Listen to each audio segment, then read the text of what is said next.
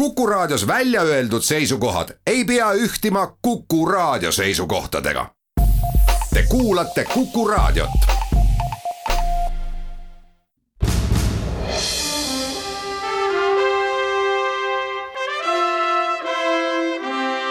vahetund Postimehega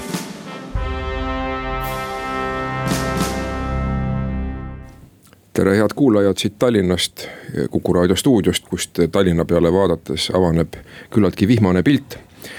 räägime erinevatel teemadel, mina olen Postimehe peatoimetaja Mart Raudsaar, üsna pea hakkame koos eh, Mart Jaavikuga rääkima meie tänasest juhtkirjast presidendivalimistest.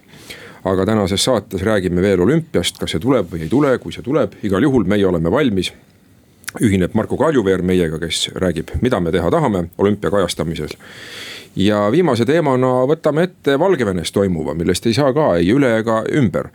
kuid nüüd siis järgemööda ja kõigepealt mul on hea meel tervitada Marti, sind siin äh, stuudios ja miks me siin sinuga koos oleme ja räägime, on üksjagu kõneainet tekitanud tänases Postimehes ilmunud juhtkiri Nadi mõte Jüri Ratas, mis räägib siin siis presidendivalimistest ja lühidalt kokkuvõetuna noh, tahaksime natuke idealismi sellesse protsessi või kuidas sina kommenteerid seda omalt poolt? ma arvan, et see on tõsi, et, et eelmise korra ehmatus, kui valimissüsteem jooksis kokku ühe reegli tõttu ja selle tõttu, et üks eestvedaja siis kasutas seda reeglit ära ja tehti, kasutati, kasutati seda niimoodi, et, et rikuti sedeleid ja ja presidendivalimisteni valimiskogus ei jõutud. et see ehmatus on nüüd olnud nii suur inimestele ja poliitikutele, et katsutakse igal võimalusel vältida seda eelmise korra ebaõnnestumist ja katsutakse vältida kandidaatide väljatoomist ja nii edasi. minu meelest protseduuri pole ju muudetud. protseduur on täpselt on sama, sama, midagi, midagi on toimunud inimeste peades järelikult mm. -hmm. ja see on tõepoolest häiriv, et sellist idealistlikku kujutlust, et milline president meil peaks olema, keda me tahaksime seda me ei ole ise ka suutnud ju tegelikult oma leheski seda arutelu üles tõstes, see tundub nagu mõttetu. aga ma ei arva, et see on õige, et, äh, et me läheme ühiskonnana kaasa ainult nende poliittehnoloogiliste aspektidega. loomulikult hääled loetakse kokku, lõpuks saab presidendiks see, kes saab rohkem hääli vastavalt protseduurile, see on iseenesestmõistetav. aga sellel kohal on terve rida ülesandeid, põhiseadus loetleb üksipulgi kakskümmend konkreetset ülesannet välis, välismaale suunatult ja siseriiklikult. sellel on suur sümbolväärtus sellel ametikohal terve rahva jaoks, et president on mõnes mõttes nagu lipp ja vapp meie asjade juures peaksime mõtlema natukene tõsisemalt ja tegelikult peaksid ka erakonnad ikkagi sellise väärtuspõhise programmiga välja tulema, et praegu on noh. isegi minu meelest on see olukord mõnes mõttes nagu Eesti rahvale solvav, et, et me ootame ühe inimese taga kuid ja kuid. et mida tema siis ütleb, kas ta kandideerib või mitte, et, et üks inimene on see tõsi, mitte enda süül, aga, aga olukord on selline, eks ole, kes on siis lihtsalt selle presidendivalimiste arutelu eh, punn. ma mäletan, et eelmisel korral lubati et nüüd hakatakse tegelema vahepealse viie aasta jooksul presidendivalimiste temaatikaga. kuna kõik olid väga ju õnnetud ja isegi võiks öelda šokeeritud toonase tulemuse üle, mis oli ummikseis. mis, mis toona, toona valimine ju tegelikult eh, nii parlamendis kui valimiskogus nurjus. aga selle vahepealse viie aasta jooksul midagi tehtud ei ole. ja pigem ma saan aru, ollakse tehtud korrektiive poliittehnoloogilisest aspektist, et keegi ei taha liiga vara tulla sellele väljale ja loodetakse siis viimase hetkeni, kuni Äh, noh, see presidendivalimiste aeg kätte jõuab. mis omakorda võib tähendada, et kogu see kandidaatide tutvustamise faas ja kõik see jääb ära, et, et äh, tõsi, protseduur ju näebki ette selle presidendivalimist riigikogus ja valimiskogus. no aga noh, ta ei, ei ole ju ka mõeldud nii, nii rahvakaugene, nagu ta nüüd välja kukub. ja tõepoolest oleks ju olnud võimalik ka riigikogul isegi põhiseadust muuta selles ühe eelmise korra ummiku põhjustanud aspektis, aga seda ei võetud ette, räägiti suured jutud kokku, kuidas eh, mõeldakse üldse kogu süsteemi ümber ja võib-olla presidendi roll ja, mida pole juhtunud. ja nii selge see, et, et nii ulatusliku äh,, nii ulatuslikult asja ettevõtmise mõte võib-olla oligi see, et, et lihtsalt mitte midagi teha. nojah, aga mis siis teha, kui mitte midagi pole tehtud? no siis minnaksegi, ega siis meil on ju ükskord see ummik juhtunud, mitte kõik korrad minu arusaamist mööda parlamendis presidendi valimiseks esitamiseks, kandidaadi esitamiseks on vaja kahtekümmet ühte häält. täpselt nii jah. mis tähendab, vaadates fraktsioonide suurusi, ma oletan, et üle kolme kandidaadi ei saaks ilmuda praegu parlamendist ja no. see kolmas on ka hüpoteetiline, et kui seal väiksemad fraktsioonid suudavad kokku leppida omavahel. No aga kaks kandidaati on juba väga tore. Pole paha, see oleks demokraatia pidupäev leitaks konsensuslikult mõni kandidaat, kelle taha ollakse valmis tulema kõigi, kõigi häältega, see oleks ju ka väga tore. aga praegune poliitilise eliidi mõtteviis ilmselt on see, et tahetakse ikkagi leida poliitikute hulgast üks president. Eh, mõeldes, et, et praeguse presidendiga ollakse natukene ebaõnnestunud, et poliitik tunneb paremini kõiki igapäevase päevapoliitika ja keerdkäike ja riigi ülesehituse keerdkäike, mida ilma selle valimiste kogemuseta ja ilma poliitilise tippjuhi kogemuseta ei ole. noh, aga võib-olla peaks ikkagi vaatama ühiskonnas laiemalt ma arvan, et peaks vaatama ühiskonnas laiemalt ringi, mõeldes tagasi Lätile, ma olin just toona Lätis Riias, kui olid presidendivalimised kevadel. ja ma räägin siin kahekümne aasta tagusest ajast. ja toona oli ka omamoodi ummikseis oli välja kujunenud, et eh, pikka aega president olnud Ulmanis äh,. lahkus, ei olnud selge, kes peaks tulema uue presidendina. erakonnad proovisid seal kalastada selles olukorras, aga kerkis esile Freiberga, eh, välislätlane, kes osutus ikkagi siiamaani läbi ajaloo üheks populaarsemaks Läti presidendiks, see oli kaks aega president. ja ta, see oli ju ka see aeg, kus kõigi Balti riikide eestkõneleja oligi Vairo Viike Freiberg. just nimelt just nimelt et... Äh, ja see on minu meelest näide selle kohta, et peaks olema laiem perspektiiv ja see inimene ei pea olema ilmtingimata nii-öelda poliitiliste tagatubade produkt. et nojah, selline see presidendi amet meil on, et äh, kahtlemata saab selle ära pidada kuidagi keegi. aga presidendil on väga palju võimalusi teha Eestit suuremaks ja ja olla selline toetav jõud, raske kahurvägi, eks ole, ka välisministeeriumit. kui me nüüd ühe lausega kokku võtame, mida me soovitaksime asjaosalistele? no laske lahti sellest eelmise korra tekitatud hirmust ja, ja vaadake avarama pilguga ringi ja mõelge vähem poliittehnoloogia peale, katsuge kokkuleppele jõuda.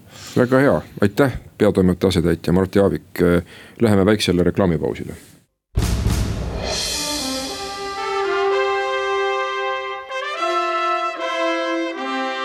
vahetund Postimehega.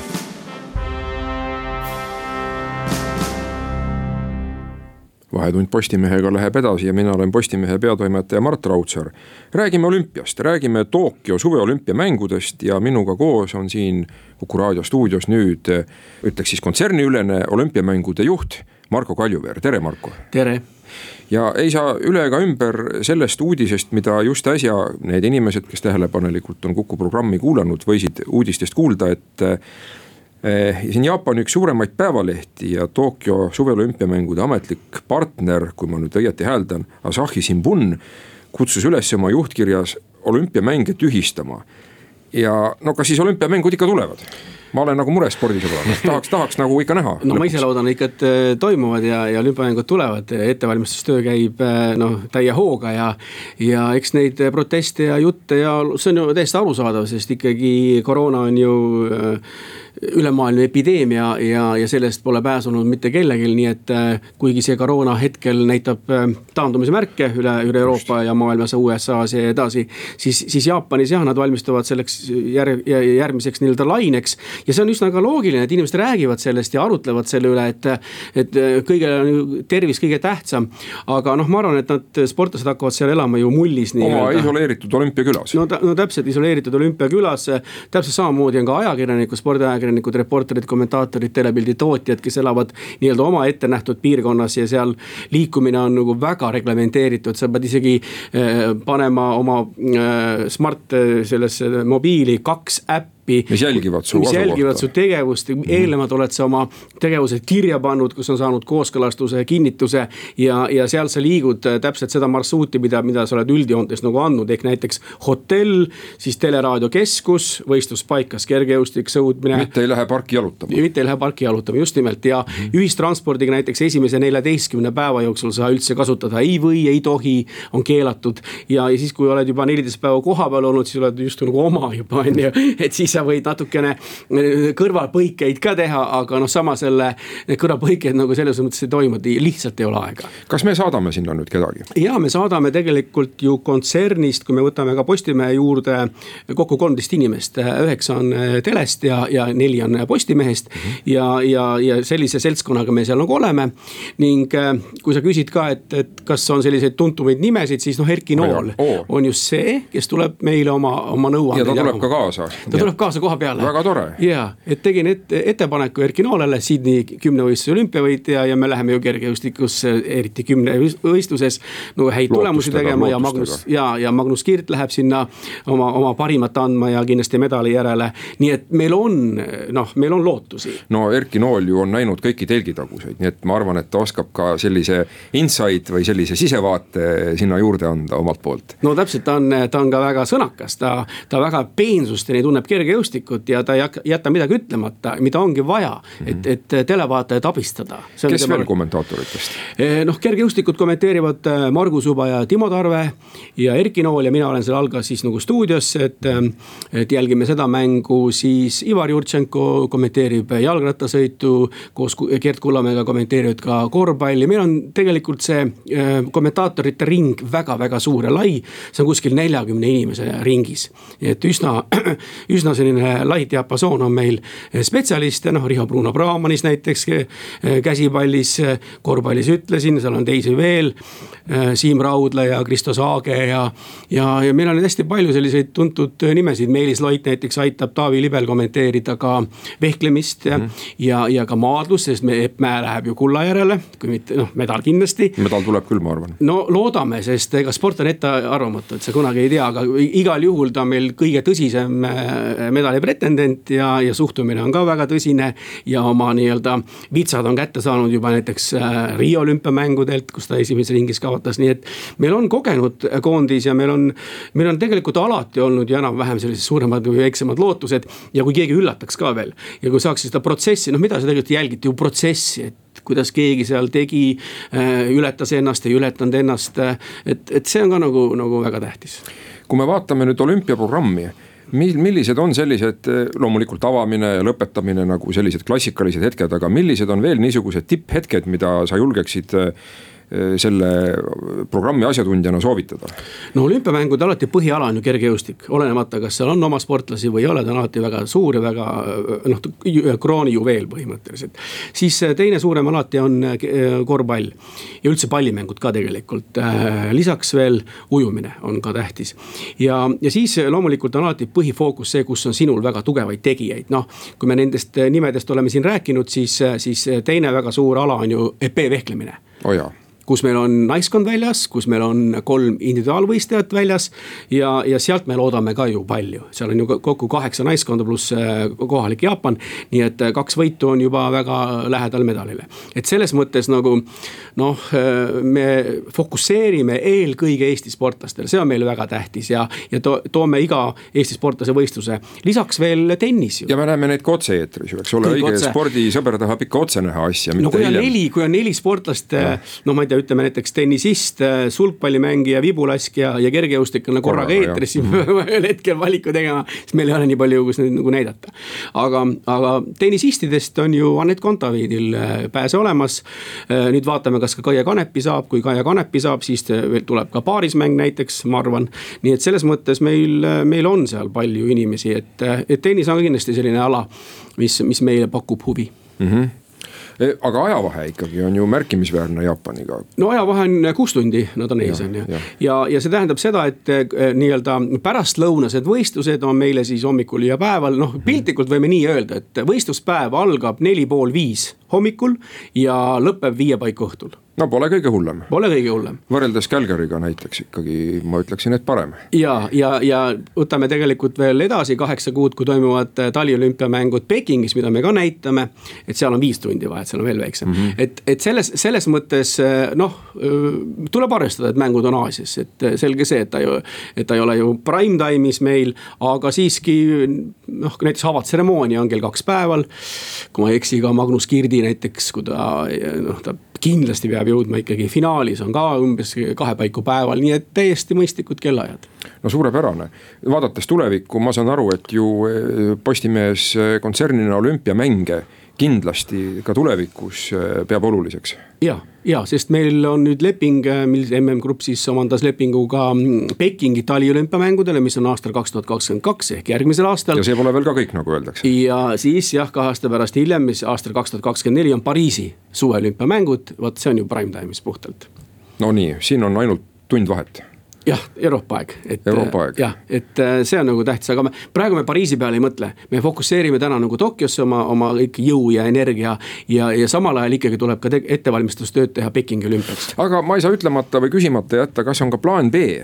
juhuks, kui olümpiamängud küll toimuvad, aga sinna lubatakse noh, väga väikest arvu inimesi, ajakirjanikke kohale ei, seda ei toimu praegu antud hetkel. niisugust asja ei juhtu jah? seda asja ei juhtu, sest juba Super. tegelikult see OBS-i ehk siis Olympic Broadcaster Service'i, kes neid telepilti toodavad ja on siis ROK-i partner.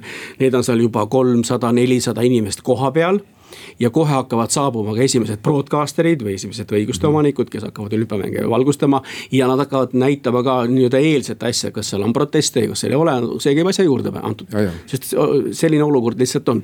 ja, ja siis meie sõidame ära kuusteist juuli mm, -hmm. oleme seitseteist juuli kohal ehk, ehk nädal aega enne olümpiamängude avatseremoonia algust.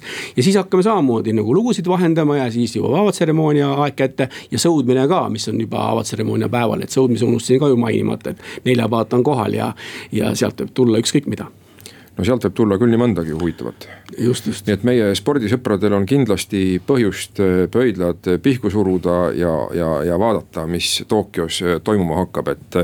no ma olen küll optimistlik, mina arvan, et need olümpiamängud ära ei jää võib-olla piiratakse pealtvaatajate hulka, aga mängud kindlasti toimuvad. ja, ja, ja tegelikult ROK teeb siis otsuse, kas kohalikud saavad staadionile minna pealtvaatajatena mänge jälgima juunikuu jooksul. täna seda otsust veel ei ole, nii et võib-olla näidatakse olümpiamänge siis tühjade tribüünide ees, seal võib-olla tehakse lipud ja muud asjad, ma ei tea, mida nad sinna panevad, kui publikut ei, ei, ei lasta. ja siis teine asi, et on publik ja siis on järgmine küsimus, et kui palju siis mahtuvus on kas, kas sada protsenti, kaheksakümmend protsenti, viiskümmend protsenti või veel vähem. et see tuleb juunikuu jooksul. aitäh, Marko Kaljuveer selle põneva vestluse eest, Marko Kaljuveer, meie olümpiaprogrammi juht. edu ja jõudu Tokyosse. aitäh.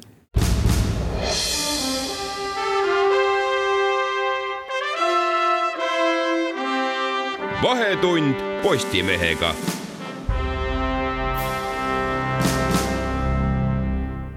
alustab saate Vahetund Postimehega viimane osa ja viimane osa on meil pühendatud tervenisti Valgevenele.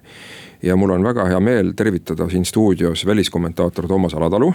tere ja telefoniliini pidi on meiega ühenduses Erkki Pahovski, meie arvamustoimetaja, kes on ka väga suur välispoliitika huviline ja asjatundja, tere Erkki.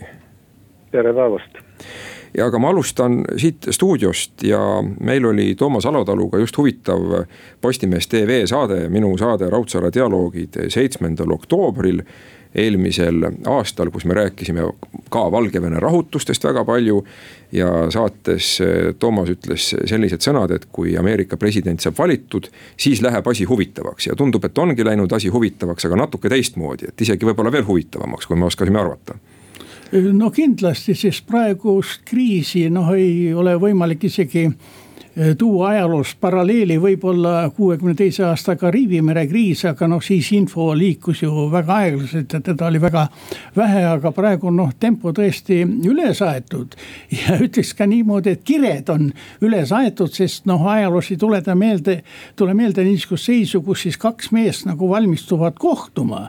ja selle ettevalmistuse käigus üks ütleb, tõsi, vastates ajakirjaniku küsimusele, et jah, Putin on mõrvar ja teine siis pärast seda, kui on saanud kätte esimese informatsiooni välisministrite, see on siis Blinkeni ja Lavrovi kohtumisest. siis järgmisel päeval teatab suurele auditooriumile, et me oleme valmis kõigil hambad kurku lööma, kes üritab meie käest midagi saada, nii et noh, niisugust ettevalmistust ehm, tippkohtumiseks maailmas, pinge täis kruvitud maailmas pole kunagi varem olnud. kas ma saan õigesti aru, et, et siis natuke on need Valgevene sündmused seotud ka selle tippkohtumise eelse no seda on nüüd raske öelda, et kas seda just täpselt niimoodi planeeriti, aga loogiliselt võttes Valgevene võimud pidid neid isikuid, konkreetselt seda ajakirjanikku ikkagi jälitama. ja iga hetk võis säärane asi juhtuda, tähendab, teda oli raske ette programmeerida, aga ta juhtus ja juhtus tegelikult ta ju Putinile väga sobival hetkel, sest on ju näha, kuidas Euroopa Liidu ladvik reageeris. Nad valmistusid ju tegelikult tegelikult eile arutama oma ettenähtud tippkohtumisel olukorda Venemaal. aga selle asemel kukkusid arutama olukorda Valgevenes ja siis tuli järsku välja, et Euroopa Liit ei olegi nii nõrk üksus, et oskavad otsuseid teha küll. aga küsimus on ju selles, et eks ole, väiksema kurja vastu on ju kergem midagi otsustada kui suurema kurja vastu, aga kui siin veel üks lause edasi öelda, siis ju nüüd jälle räägitakse Valgevene eh, diktaatori kohta, et see on Euroopa viimane viimane diktaator. Ja noh, kui me selle sõnumi võtame, siis, siis tähendab seda, et rohkem hulle ei olegi, aga tegelikult ajaloos eh, on selle viimase kahekümne seitsme aasta jooksul ju korduvalt olnud niimoodi, et Venemaa on halb ja Valgevene on hea ja siis on jälle Valgevene halb ja Venemaa on hea. Ja nüüd on Putinil vahetult enne seda olulist kohtumist jällegi niisugune roll, et näe, seal on veel üks hullem mees Euroopas kui tema. Erkki Pahovski, no sina oled töötanud ka Euroopa struktuurides ja ma tahan küsida sinu kommentaari Euroopa Liidu reaktsiooni osas, mis minu meelest on olnud üsna adekvaatne, üsna jõuline tundub, et me oleme Erki vahepeal liinilt kaotanud, aga kui ta tagasi tuleb, eks me siis küsime selle küsimuse, küsimuse uuesti. aga kui me sanktsioonidega siit stuudiost jätkame, siis ju kindlasti on äh, väga sageli sanktsioonid kriitika all, et me võime ju siin igasuguseid asju ette võtta, suunata lennukeid ümber äh, Valgevene sõitma, aga ikkagi Lukašenka teeb seda, mida tema tahab nojah, paraku poliitika on säärane asi, et siin võivad olla väga üllad eesmärgid ja väga üllad ja põhjendatud otsused aga karm reaalsus on selles, et maailm on siiski jagunenud kaheks vastandlikuks süsteemiks ja hetkel on siis seis säärane, et kui ütleme varem noh, niinimetatud pingelõdvendusperiood, isegi tuleb ajaloost niisugune mõiste meelde. kui ikkagi toimisid teatud reeglid riikidevahelistes suhetes, siis praegu on just see aeg, kus neid reegleid ei kehti ja kus igaüks teeb oma poliitikat kahjuks. no nii, kas Erki, oled sa tagasi liinil? Olen tagasi liinil. et kordan oma küsimust, et sina oled töötanud ju ka Euroopa e, struktuurides siin Euroopa Komisjoni Eesti esinduses ja kuidas sa kommenteerid Euroopa Liidu sanktsioone Valgevene suhtes, mis, kui me oleme siin aeg-ajalt kritiseerinud Euroopa Liitu väga laialivalguvuse pärast, siis praegu need on olnud minu meelest konkreetsed ja adekvaatsed ja no ma tõstaksingi esile seda, et Euroopa Liit suutis Valgevene suhtes teha need otsused väga kiiresti põhimõtteliselt üleöö. ja see on küllalt ebaharilik, noh siin võib-olla mängib rolli see, et äh, Valgevene suhtes oli see tee nii-öelda sisse tallatud. et äh, see lennuki kaaperdamine oli muidugi pretsedenditu äh, intsident, aga samas ju ligi aasta on Valgevenes möllanud demonstratsioonid Lukašenka vastu ja need sanktsioonid olid juba ka varem paigas, et, et noh, mingis mõttes ei olnud see Valgevenes toimuv ju suur üllatus. et need liinid olid sisse nii-öelda tallatud või see tee oli sisse tallatud ja ja need, selle tõttu oli ilmselt neid sanktsioone ka lihtsam vastu võtta aga siin tekib kohe küsimus, et millised on sanktsioonid, millest oleks ka reaalselt kasu või mis mõjuksid. Ja mulle isiklikult tundub, et see, mida Riias lätlased teevad eh, sellega, et on maha võtnud eh, Valgevene, ma ütleksin Nõukogude sümboolikaga lipu ja selle asemel on pandud see Valgevene rahvuslipp, mis on väga ilmselgelt ärritanud eh, Valgevene võime, kuna kogu saatkond ju saadeti välja Valgevenest, Läti saatkond. Siis tundub, et see on mingisugune samm, millel võib olla isegi suurem mõju kui siin noh, kas deklaratsioonidel või lennuliinide ümbersuunamisel see on keeruline küsimus, sest igasugustel sanktsioonidel on äh, alati kaks külge või vähemalt kaks külge ja üks on tõesti see, et et äh, ei kannataks siis sanktsioonide all Valgevene rahvas, kes ju tegelikult on tulnud äh, välja tänavale Lukašenka vastu meelt avaldama ja ja et need sanktsioonid seda rahvast ei tabaks. Ja teine on siis tõesti see, et kui palju siis need sanktsioonid töötavad ja, ja, ja seda on väga keeruline öelda ja noh, lipu mahavõtmine on lühiajaline selline tegevus, aga kui me nüüd mõtleme edasi, et, et need sanktsioonid, noh, kui me mõtleme näiteks Iraani sanktsioonidele, siis need sanktsioonid ju hakkavad mõjuma alles noh, mõnikord mõnekümne aasta pärast. ja noh, on muutunud ju nende Iraani sanktsioonide pikendamine ja, ja need sanktsioonid olid muutunud osa meie igapäevaelust ja kui me nüüd mõtleme võimalikule äh, sanktsioon, võimalikele sanktsioonidele Valgevene vastu, siis äh, samamoodi, et, et äh, see, need sanktsioonid töötaksid, peame me siis juurutama need sanktsioonid pikaajaliselt.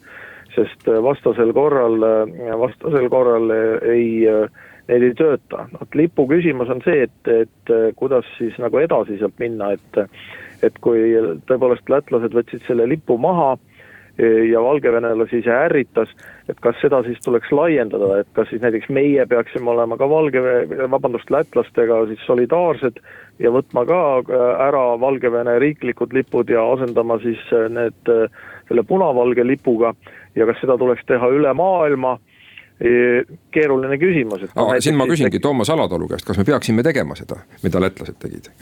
no minu arvates ma vastaks niimoodi, et osaliselt tuleks kindlasti seda teha, mis nüüd lätlased on teinud ja mida leedulased ja mida veel mõned eh, on teinud ja mulle endale väga kenasti meeldis, mis nüüd tegelikult Euronewsis on juba mitu korda ette eh, mängitud, tähendab, kui nüüd toimus Poolas miiting ja kus oli ka siis Svetlana Sveta Tšehhanovskaja oli kohal, siis eh, anti sõna ühele volatarile ja ainuke asi, mis ta tegi, ta lihtsalt hakkas kõva häälega karjuma. ja vaat nüüd seda tema karjumist, eh, sest see on ju selge sõnum, et noh, kaua me võime, eks ole, me ainult räägime, me ainult räägime, aga me mitte midagi ei tee. ja siis ta lihtsalt karjus ja vaat see ongi see peamine sõnum, eh, mida nüüd siis ütleks niimoodi lõpuks ka Euroopa Liidu juhid kuulsid et tuleb ikkagi midagi praktilist ka ette võtta, aga siin on tõesti küsimus selles, et noh, see kõik peab olema siiski omamoodi eh, kindla ajaga määratletud, nii nagu ka Erki seda eh, märkis ja tuletaksin meelde ka seda, et mis on võib-olla unustatud, et eh, üheksakümnendate aastate lõpul, kahekümne, kahe tuhandete algul, siis kui juba Lukašenka neid oma trikke hakkas tegema, siis oli ju vahepeal niisugune seis, et oli olemas ka Valgevene valitsuse emigratsioon deklaratsioonis, mida siis ütleme, Euroopa Liit Euroopa Parlament ja teised seal tunnustasid, nii et noh, tegelikult see katse, et me paneme, eks ole, teise lipu üles. Eh, see põhimõte, et eh, on olemas ehm, eh, vastuvalitsus, nii nagu praegu on olemas, ütleme Venezuelas vastuvalitsus, mida ka Euroopa Liit tunnustab.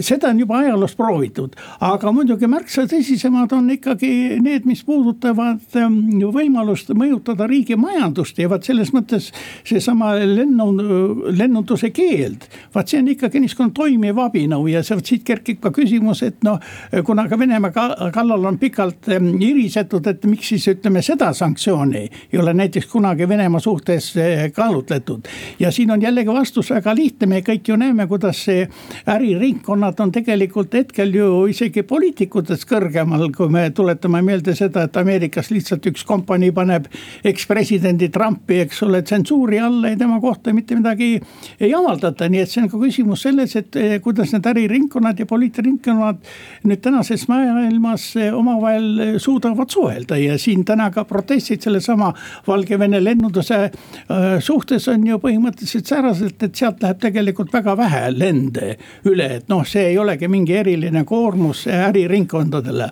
aga see on seis, kus ikkagi siis ütleme, äri ja poliitika peavad käima käsikäes, sest noh, võtame selle situatsiooni veel kord läbi, ma olen nagu öeldakse puhkusereisil. lendan lennukiga ja siis järsku minu lennuk viiakse sinna, kus on võimalik mind arreteerida. no niisugune seda, asi peab olema välistatud. seda me saame veel nüüd kohe lahata ja arutada, meie peame ka natukene äri tegema, läheme väikesele reklaamipausile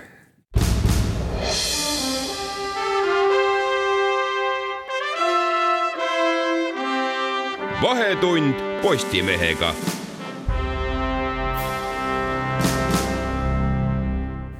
ja jätkame Valgevene teemaga, mina olen Postimehe peatoimetaja Mart Raudsaar, stuudios on väliskommentaator Toomas Alatalu ja telefoniühenduses Postimehe arvamustoimetaja ja ka välispoliitika huviline Erkki Pahovski.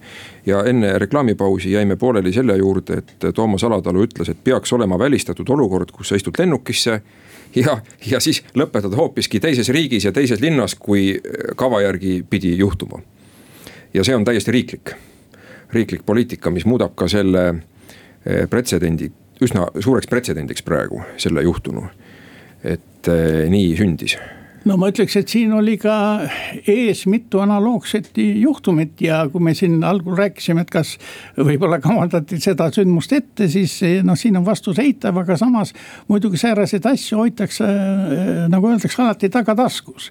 ja momentaalselt, see oli ka tüüpiline, et Venemaa välisministeeriumi esimene reageering oli kohe, nad tuletasid meelde, et aga oli ju vahejuhtum Boliivia presidendi lennukiga, sest seal oli küsimus selles, et võib-olla. tuletame siis... meelde seda juhtumit, ega kuulajad ei pruugi mäletada. ja see oli aasta kaks tuhat kolmteist, ehk siis ütleme vahetult enne enne siis neid Ukraina äh, sündmusi. ja seis oli selles, et siis Ameerika luure keskagentuuri ja kelle kõige jaoks ta seal töötas, Edward Snowden, kes siis jagas informatsiooni ka teistele jõududele, kaasa arvatud Venemaale. Äh, taipas ühel hetkel, et teda võidakse arreteerida ja siis ta pages lennukiga Hongkongist Moskvasse. istus seal tegelikult nädal aega Šeremetjevos ja seal oli ka see seis juba säärane, et ameeriklased teadsid ja siis tegi Putin ka väga niisuguse huvitava avalduse, et me oleme nõus teda siia jätma, kui ta annab meile lubaduse, et ta ei tee rohkem Ameerikale kahju, noh ka huvitav avaldus. Ja järgmisel päeval siis eh, läks eh, Moskvast kodumaale Boliivia president Evo Morales ja nüüd siis selle Moralesi lennukiga juhtus niisugune asi, et enne Prantsuse õhuruumi tuli järsku korraldus, et eh, me teid siia sisse ei lase ja Portugal, kus pidi järgmine vahepeatus olema, teatas ka, et me teid ka sisse ei lase.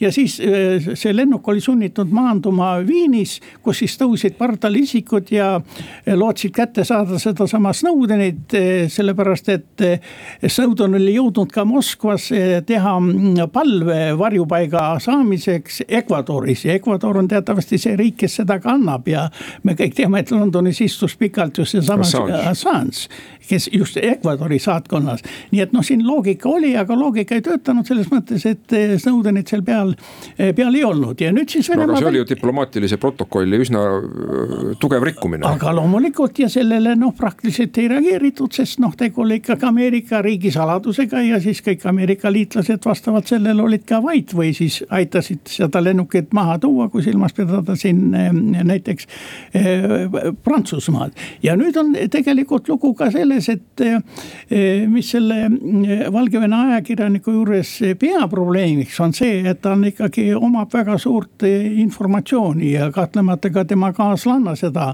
omas ja nad olid ju tegelikult Ateenas algul ühel rahvusvahelisel seminaril, kus oli ka Tsihhanovskaja kohal. nii et me võime kõik aimata seda, mis kõik võis tema selles arvutis olla ja siin juba ka need, kes lennukis olid ja need on andnud ju ka tunnistusi, et ta kõigepealt kahvas kohe oma selle arvuti kätte ja siis telefonid ja ta ei teadnud, mida nendega teha. ja nüüd eh, ma ei ole näinud infot selle Lukašenko tänase esinemise kohta, aga võib arvata. ta esines täna parlamendis. ja eh, võib arvata, et kuna see lükati eile edasi tänaseks, siis nad on noh, põhjalikult tuulanud nüüd selles arvutis ja, ja nendes telefonides ja nendel on nüüd praegu piisavalt informatsiooni, mida saab siis omamoodi uhkelt ja vastavas serveeringus avalikkusele välja mängida. Ja see on põhimõtteliselt väga, väga tõsine asi ja ta on seotud loomulikult selle Valgevene opositsiooni tegevuse perspektiividega, sest ütleme niimoodi, et liiga palju infot on praegu võimude käes. Ja kui tulla tagasi nende sanktsioonide juurde, siis noh, jällegi rääkisime sellest, et Valgevenes juba on olnud, eks ole, vastuvalitsus välismaal ja parlament välismaal ja nii edasi. aga siiani ei ole saadud ju Lukašenko käest kätte seda lubadust, et ta ametist eh, tagasi läheb, tähendab. ja millistel tingimustel, praegu pakub tema välja, et ta võib, võib minna, aga see suur rahva rahutus ja see naiste tulek suurde poliitikasse, see on ju Naiste tänase päevani ja jäänud realiseerimata, nii et eh, ka rahvusvaheline avalikkus, noh, siin peaks ikkagi olema mingisugune mehhanism, milles kokku lepitakse. et eh, Lukašenko ikkagi loovutab võimu ja eh, toimuvad vabad valimised, mida ju opositsioon algusest peale on taotlenud. Erki, kas sa oled jõudnud vaadata, mida Lukašenka rääkis parlamendis täna oma ettekandes? Äh, lühiuudist jah, Lukašenko rääkis sellest, et on kindlad punased jooned, millest ei saa taganeda ja, ja et ta nagu ei talu oma riigi ründamist. noh, selline väga raevukas retoorika, et, et arvestades, arvestades seda, et tal oli see kõne ees ja kõne oli ju planeeritud juba ammu, siis ta võis ka muidugi selle kaaperdamise ära kasutada oma kõne pidamiseks, et see annab sellisele noh, selle kõnele ka rohkem sisu, et tal on nagu midagi ette näidata, et ta saab näidata seda, et, et Valgevene on rünnaku all ja ja, ja nii-öelda siis oma toetajatele seda rõhutada. Kui sa vaatad neid olemasolevaid sanktsioone, mis on kuulutatud Valgevene suhtes, siis kas need on seotud konkreetselt vangistatud, nüüd sellelt lennult vangistatud inimeste vabastamisega. või on seal siiski ka see režiimivahetuse element juures? praegu ei ole mina näinud seda režiimivahetust, ehkki see, see tuli juba varem ju. et noh, paljud riigid nagu teatasid, et nad ei pea Lukašenkat äh, legitiimseks presidendiks ja, ja, ja kohtlevad Svetlana Tsihhanovskajat legitiimse presidendina. Äh, Tsihhanovska ju tegelikult, kui ta käib välismaal, siis äh, teda koheldatakse peaaegu nagu riigipead, et äh, see diplomaatiline protokoll käivitub tema suhtes ju täiesti ametlikult, seal on mõningased asjad, mis on puudu, aga, aga, aga üldiselt jah, teda peetakse Valgevene ametlikuks riigipeaks. Nende sanktsioonide juures on lihtsalt rõhutatud seda, on, on küll räägitud jah, sellest ajakirjanikust, et et äh, see tuleks viivita-, tema tuleks viivitamatult vabastada ja, ja, ja, ja Lukašenko peab midagi tegema siis selle kaaperdamise suhtes või noh, mõistetakse see kaaperdamine hukka. et see on praegu nende otsuste, Euroopa Liidu otsuste põhisisu mm. -hmm. Toomas Alatalu, mis nüüd praegu Valgevenes toimub tänavatel? tundub, et on natuke rahulikum või, või päris rahulik võrreldes või me ei kuule nendest sündmustest enam mingil põhjusel Eh, no küsimus on ikkagi selles, et eh, tänavad on suhteliselt eh, vaiksed, kasutame siin siis seda mõistet, tähendab seda tormi, mis oli seal eelmisel aastal pärast presidendivalimisi ja mis jätkus tegelikult aasta lõpuni ja mida lubati nüüd jätkata. siis Valgevene opositsioon tegelikult valis taktikat ja ühel hetkel nüüd, kuna sel aastal olid ka need aastapäevad seotud siis tuhande üheksasaja kaheksateistkümnendal aastal välja kuulutatud Valgevene vabariigiga mille lipust me siin rääkisime, mis nüüd ka siis ütleme, Riias on eh, üleval. Eh, siis need väljaastumised osutusid ikkagi tagasihoidlikuks ja minu arvates siin ka opositsioon tegi mitte põhjendatud käigu selles mõttes, et eh, hakati eh, korjama allkirju, no mida oli võimalik siis arvuti kaudu anda ja siis teatati uhkelt, et me nüüd kanname oma tegevuse üle säärasele vormile.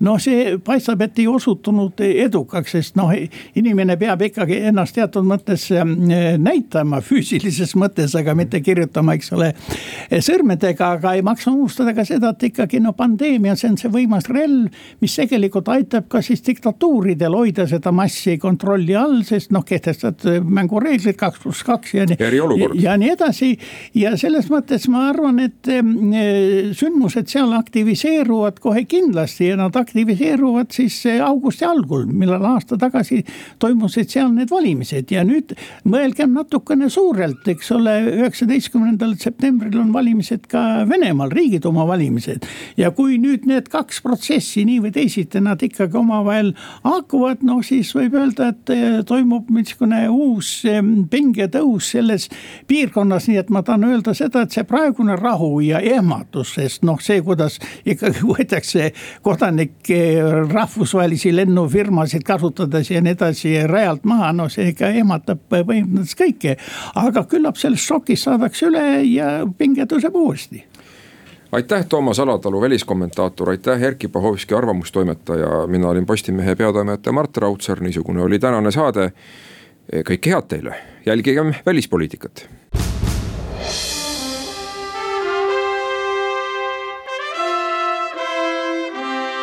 vahetund Postimehega